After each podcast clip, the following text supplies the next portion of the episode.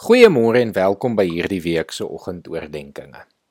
Ek lees vanoggend vir ons Romeine 11 vanaf vers 33 tot 36 voor. O diepte van die rykdom en wysheid en kennis van God. Hoe ondeurgrondelik is sy oordeele? Hoe onnaspeurlik sy weë? Wie ken die bedoeling van die Here? Wie gee hom raad? Wie bewys hom 'n guns sodat hy verplig is om iets terug te doen?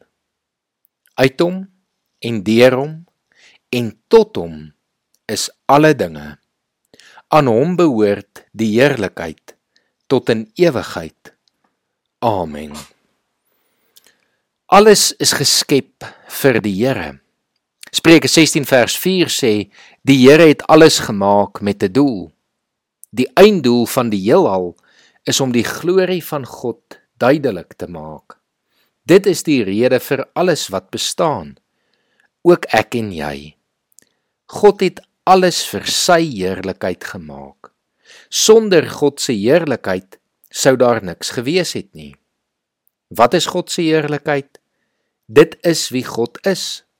Dit is die wese van sy aard, die gewig van sy belangrikheid, die skittering van sy luister, die demonstrasie van sy krag en die atmosfeer van sy teenwoordigheid.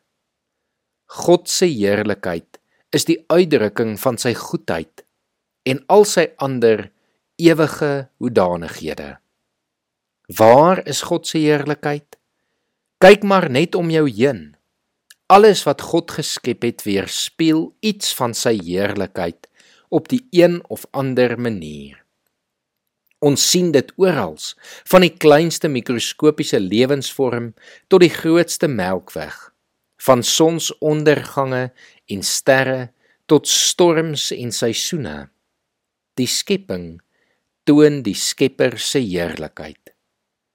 Uit die natuur leer ons dat God magtig is, dat hy van verskeidenheid hou, dat hy goed georganiseerd is, dat hy van pragt hou, dat hy wys is. Die Bybel sê eintlik vir ons, die hele hemel getuig van die mag van God. Deur die hele geskiedenis heen het God sy heerlikheid in verskillende omstandighede vir mense uitgewys. Hy het dit eers in die tuin van Eden gewys, toe aan Moses en die volk, toe in die tabernakel en die tempel, toe deur Jesus en nou deur die kerk. Dit is uitgedruk as 'n verterende vuur, 'n wolk, 'n donderweer, rook en 'n helder lig. In die hemel lewer God se heerlikheid al die nodige lig.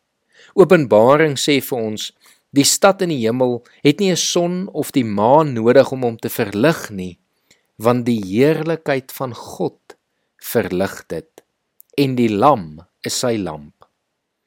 Ons sien God se heerlikheid eintlik die beste in Jesus Christus. Hy wat die lig van die wêreld is, wat God se glorie belig. Danksy Jesus is ons nie meer in die duister oor hoe God nou eintlik lyk nie. Want ons lees uit hom straal die heerlikheid van God en hy is die ewe beeld van die wese van God. Jesus het aarde toe gekom sodat ons God se heerlikheid heeltemal kan verstaan.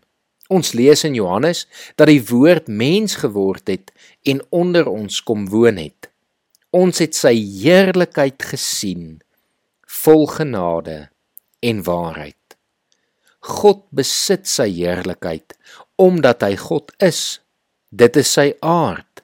Ons kan niks by sy heerlikheid voeg nie net soos dit vir ons onmoontlik sal wees om die son helderder te laat skyn.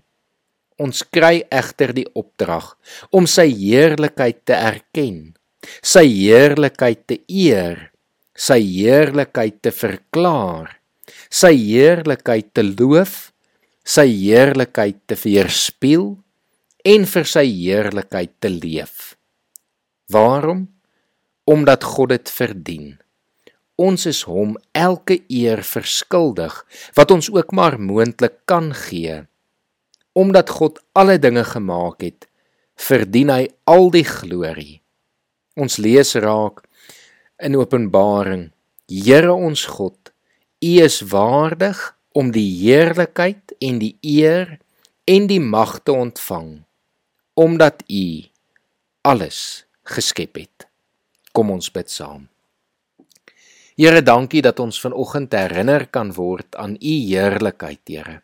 Here, dankie dat ons U mag dien en U mag loof en prys vir wie U is.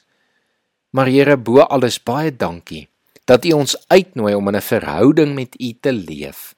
Here, dat U 'n weg oopgemaak het en vir ons U self geopenbaar het deur Jesus Christus. Dankie dat ons U heerlikheid elke dag kan beleef vol genade en waarheid en liefde en dankie dat ons dit ook kan raak sien in die skepping rondom ons. Amen.